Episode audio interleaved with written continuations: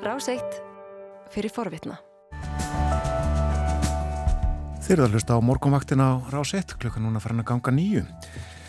Það er kallt á Íslandi og uh, við ætlum að uh, fara til Asíu. Uh, þar er hlýra, það er heitt þar í ýmsum skilningi. Bói Ágússon er komin í þáttinn heimsklukkin. Góðan dag. Góðan daginn.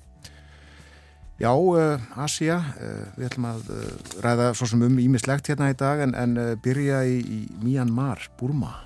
Já, það er rúmt ár núna, það var ári í fyrirdag frá því að hérinn í Myanmar hrifsaði völdin og stifti stjórn sem hafi verið kosin í líðræðaslegum kosningum, fekk raunar yfirburða, vann yfirburða sigur árið 2020 Það brutist þá þegar út gríðarleg mótmæli og uh, anstafi herfóningarstjórnina var öllum möguljós.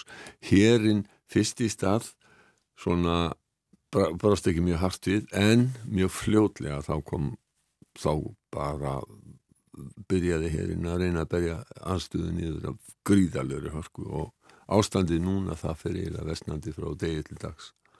Segð okkur aðeins frá landinu Myanmar eða Burma eins og það hér nú áður. Já, Þetta land er í Suðaustur Asíu, það er nokkuð stórt, það á landamæri að Kína, Laos, Tælandi og svo í vestri í Bangladesh og, og Indlandi. Þetta er sjösunnu stærra land en Ísland, þarna búa rúmlega 53 miljónir manna. Það eru nokkuð margar þjóðir sem að búa í þessu landi um, og uh, þeim hefur ekki komið vel saman. Uh, Búrmar eða Bamar eru lang fjölminnastir, tefnilega 70%. Eh, minni hluta hópar eða minni hluta þjóði þar hafa barist fyrir sjálfræði eh, sem að stjórnmöld í Rangun sem heitir nú vist núna Yangun eh, og kannski búið að, ja, búið að breyta um höfuborg síðan, þetta er voðalega skvítið hjá herrfóningjörnum þarna sem er langstæðsta borgin og var höfuborgin þau, þau hafa ætið verið barist gegn þessum sjálfstæðistilbúrðum. Langt flestir uh, Mjanmar búa eru bútistar, það er 90%, það eru 6% kristin og 4% muslimar. Þetta land var uh, bresk nýlenda og var hluti af Indlandi sem var uh, krúnudjástn í breska heimsveldinum og Indlandsins náði yfir Indland heimsveldisins náði yfir Indland, Pakistan, Bangladesh og Burma eða Myanmar uh, Burma var í nokkur áratíi bara þarna uh, fyrir setni hinstyrjöldinu þá var þessu breytt og þetta var gert á svo kallu Crown Colony eða sérstakri nýlendu.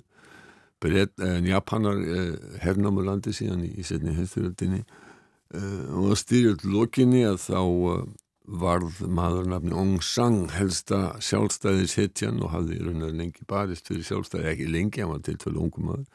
Eiginlega, já, alla sína tíð í háskóla og setna barist fyrir sjálfstæði. Og hann var leitói landsins, hann lífði ekki að sjá uh, Búrma verða formlega sjálfstæðið ríki uh, sem var í áspyrjun uh, 1948 þegar hann var myrtur í júli 47 á samt átta öðrum framámanum í, í ríkistjórn og sjálfstæðir fyrir einhver Búrma Hverjir stóða þessu tilræði? Það hefur aldrei verið fyllilega upplýst hver eða hverjir stóða að baki morðunum nekvaðin gekk til. Það var annað framámaður í stjórnmálu sem var handtekinn samdægus og sakveldur og var svo hengtur en uh, þessi píslavætti stöði Óng Sangs var til þess að festa hann í sessi sem helsta sjálfstæði setjanansins. Uh, eh, þegar að Búrma fekk sjálfstæði þá Kauslandið að verða líðveldi og ganga ekki í breska samveldi þau vúttu langt flest önnur aðra fyrirvændi nýlundu breyta og uh, þarna var ekki mjög fríðsamt vegna þess að voru alltaf átök við einhverjar minnluta þjóðir en sem varð kannski að hluta til ástæði þess að herfóningar reyndu völdum 1962. Það var alltaf verulega anstæða gegn herfóningarstjórninu og leiðtói hennar á setni árum varð Aung San Suu Kyi, einmitt dóttir sjálfstæðis hetjunar San. Bara aftar hennar og flokksans, líðræðisfylkingarinn var friðsamleg og hún fekk fríðavelun Nobels þá satt 1991 þá satt hún í stofufangils eins og hafa verið örlega hennar meir og minna uh, frá því 1989 um, herfóringjarnir byrjið að slaka á ógnarstjórninni fyrir svona tíu árum síðan og Aung San Suu Kyi var látin laus og svo var enn til kostninga og í kostningur sem voru þokkalega frjálsar 2015 og þá vann flokkur hennar uh, líðræðisfylkingin yfirbúrða sigur. Og af hverju varð Angsungi ekki fósætsráðura eftir hennar kostningasjóður? Já, herrfjörningarnir hefðu búið svo um hnútan að hún gæti ekki orðið fósætsráðura með því að setja ákvæði stjórnarskrána sem bannaði þeim sem ættu börn með ellend ríkisfang að gegna ennbættinu. Þessi náttúrulega bara snýðið til þess að hérna, þetta hefði alveg geta sagt sko í stjórnarskráni Aung San Suu Kyi má ekki verða fórsættisáða um, um, eiginmaður hennar var, var, var breyti og, og sínið er að tveir eh, eru breski ríkisborgara en hún varð svona de facto leiðtói landsins uh, og uh, hins vegar eru völd hennar og líðræðislugu stjórnarinnar voru mjög takmorkuð vegna þess að, að herfóringarnir heldu svona miklum völdum.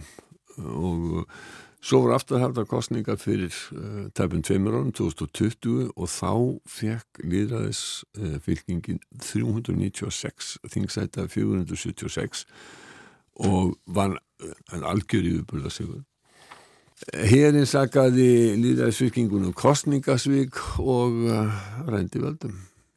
Það, og enn á ný var Aung San Suu Kyi handtekinn og hún var ákjærð fyrir sko gessamlega fáránlega hluti. Upp, þetta voru upploknar sakir eh, og svo hún ákjærð fyrir fáránlega hluti eins og ólöglegan innflutning á talstöðum, ólöglega talstöðaregn og brot gegn sóttvarnarreglum vegna koronaviru faraldusins og það búið að dæma hana svona held ég að þessi samtal 6 ára fangilsi fyrir þetta. Og hún á enni við höfði sér Um, fjölmargar, fjölmargar ákæri meðal annars sem sögum að hafa brotið lög gegn náttúruhamfönum ah. sko þetta er já þetta er bara augljóst hvað er í gangi hún hefur ekki gest segum eitt eða neitt annað heldur en að vera vinsætlið tói í landsins sem að herfóninginnar er að reyna að, að svona gera að koma henni út úr hinnu pólitíska lífi en þeir þóri ekki að gera eitthvað mjög drastist vegna þess að hún er ennþá gríðarlega vinsæl. Já, og hvað segir alþjóðarsamfélagið? Það hefur eiginlega ekki geta gert eitt eða neitt eða sammælstu marktakar aðgerði gegn herfóningastjórninni fyrst og fremst þegar stjórnir Úrslands og Kína hafa haldið hlífi skildi yfirinni á vettvangi saminuðu þjóðana. Rússar og kínverðar beittu neitunarvaldi til að koma í vekk fyrir öryggisáðið fordæmdi valdaránu upphaflega þó var samþygt núna í síðustu viku að öryggisráði harmaði og lísti miklum áhyggjum af vaksandi ofbeldi og hvarti herfóðingjastjórnuna til þess að gæta hófs í aðgjörnu sinum.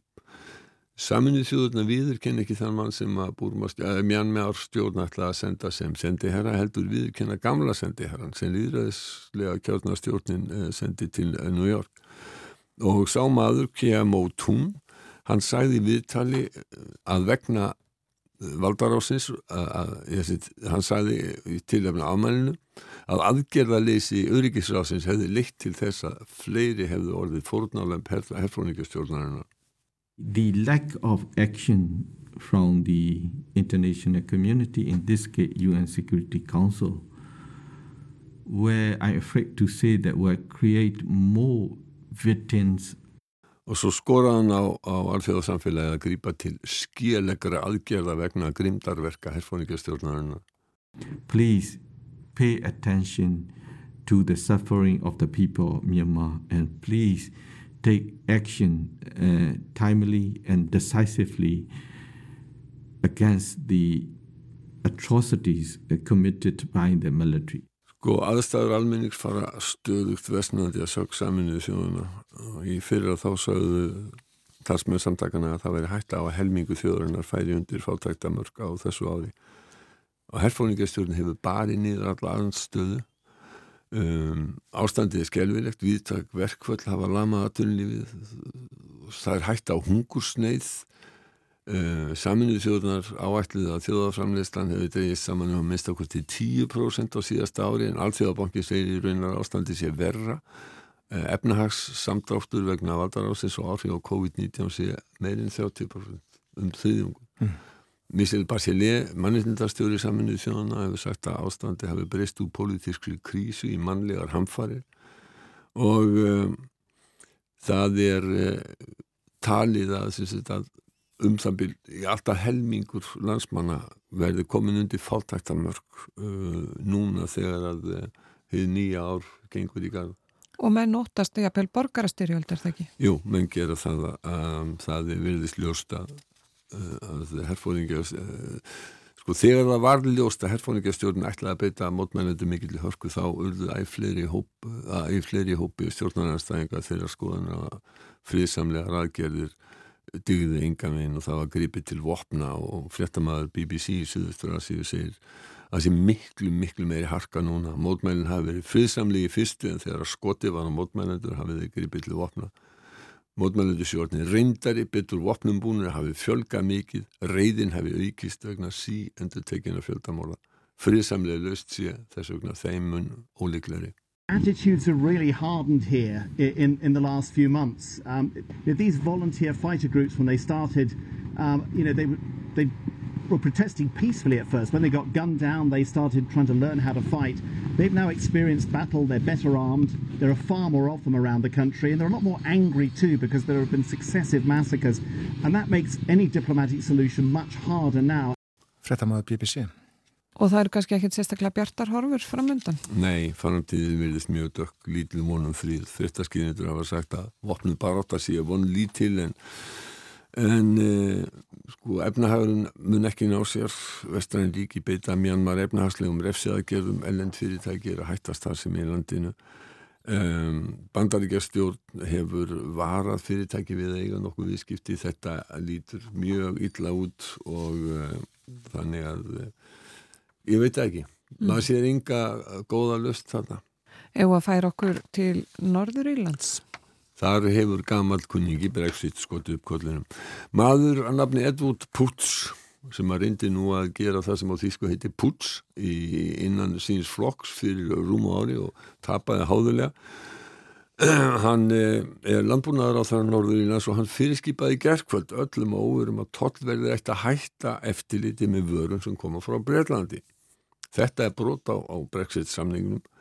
Í dag eigi einmitt Maro Sefcovic, fulltrúi Európa-sambansins og Liz Truss, utan ekki sá þeirra breyta að hittast til þess að reyna að finna að lusna og deili með framkvæmd Brexit-samningsins.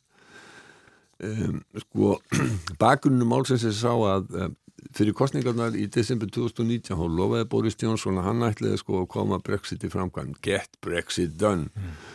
og uh, hann hvaðst hafa lusna á öllum vandamálum og hann fór svona skemmri sko þetta sem hafi verið lang erfiðasta vandamáli, staðan Norður Írlands, hann bara kvittaði upp á það að, að hérna að Norður Írland yrði áfram hluti af innri markaði Európa-sambansins, hann sagðist ekki hafa gert það og sagði þetta væri bölvu lí og til því sem með hefa sagt að engin bresku fórsættisráður myndi fallast á svona list Boris Johnson gerði það. Og hann öllum var mjög í mun að það yrði ekki landamæri á milli Norðurírlands og Írlands. Um, en þegar að breyta fara úr Európa-sambandinu þá er þetta mörg Breitlands og Európa-sambandsins því að Íska líðveldi er í Európa-sambandinu og uh, til að verja innri markaðina þá verður að vera totla eftir í dónaslít en Boris Johnson félst á það og skrifaði undir að uh, Norðurírland yrði áfram hluti innri markaðins og þá færðist totla eftirlitið út í Írlandshaf, þar að segja út að hérna þarf að segja að vörur sem voru fluttar frá Breitlandi til og frá Breitlandi til Norður Írlands þær er að ljúta tolla eftir þetta uh, sambansin á Norður Írlandi sem að er DUP líðræðislegi sambandsflokkurinn hefur alltaf verið mjög mótið þessu. Aðrir politíski flokkar á Írlandi eru, eru fylgjandi þessu, þessu sangumulegi og svo í gæra þá allt í hennu upp úr þurru og engin veit af hverju þá kemur þessi Edvin Púts og fyrirskipa þetta Uh, hvort hann hefur stuðning uh, annara, eh, hann hefur ekki stuðning til dæmi Sinn Fein hann hefur,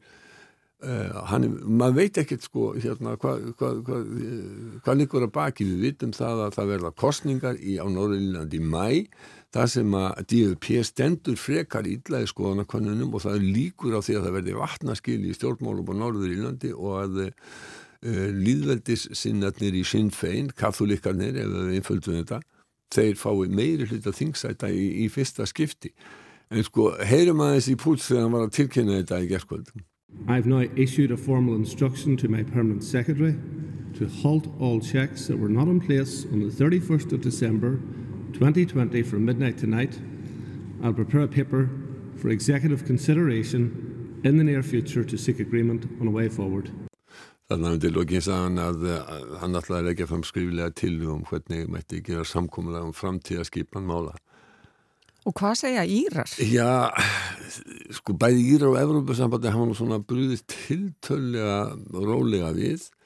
Um, Simon Coveney, utanrikiðsráþur í Íra, hann sagði bara benti á þetta brot og alþjóðalögum. Hann myndi á að ákvæðum Norður Írland væri hluti af alþjóðasamningi um Brexit sem að breytar og Evrópusambandi hefðu náð og staðfest væri af báðum. Ákvæði væri því ekki bara hluti af alþjóðasamningi heldur hefði lagagildi. That is effectively a, a breach of international law. Um, and I would remind everybody that the protocol is part of an international agreement. Uh, it was agreed and ratified by the UK and the EU, and its implementation uh, is not only part of an international treaty, but it is part of international law. Til þeir sem að segja, breska stjórnin hefur sagt sko að þetta sé mál heimastjórnarinn á Norðurílandi og sem maður náttúrulega ekki getur verið. En, en, en um, það er allavega fyrstu viðbröð þeirra.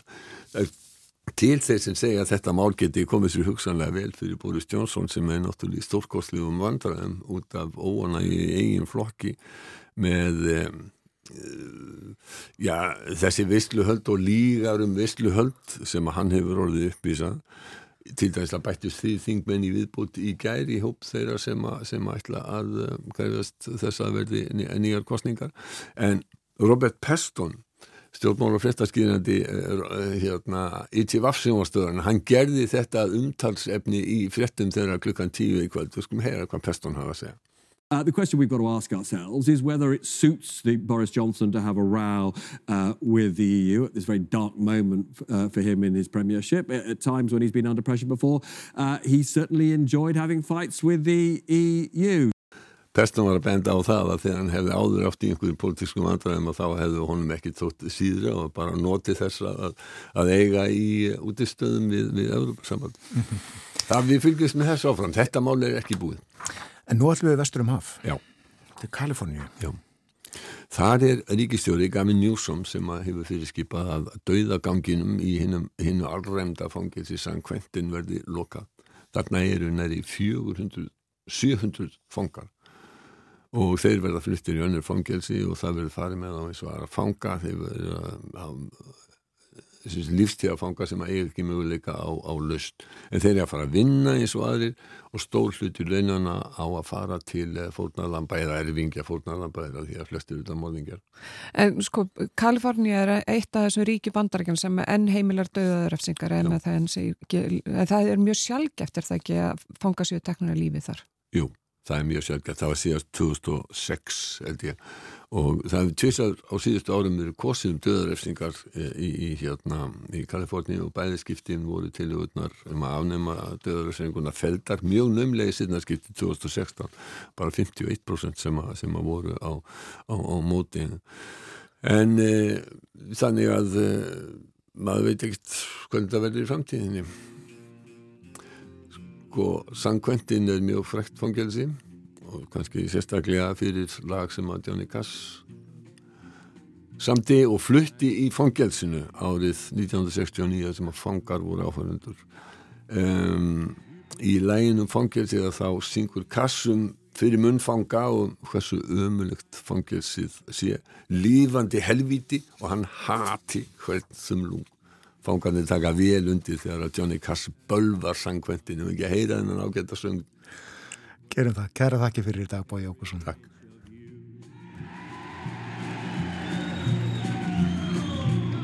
You cut me and you scarred me through and through And I'll walk out a wiser, weaker man Mr. Congressman,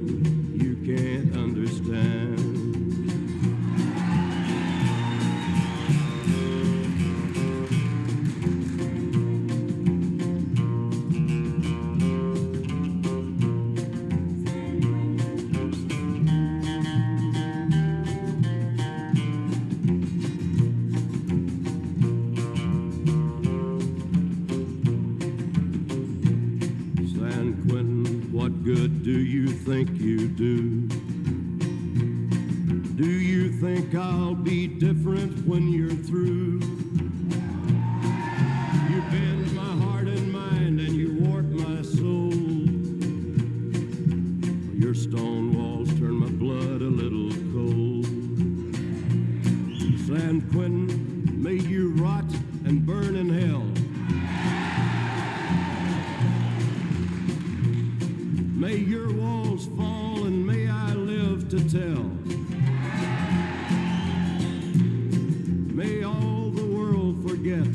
You ever stood. And may all the world regret you did no good. San Quentin, I hate every inch of you. Þú varst að hlusta á hlaðvarpsþátt frá Rás 1. Ef þið langar til að heyra meira, farðu þá á rúf.is skástrygg hlaðvarp eða spilaran á rúf.is skástrygg útvarp. Rás 1 fyrir forvitna.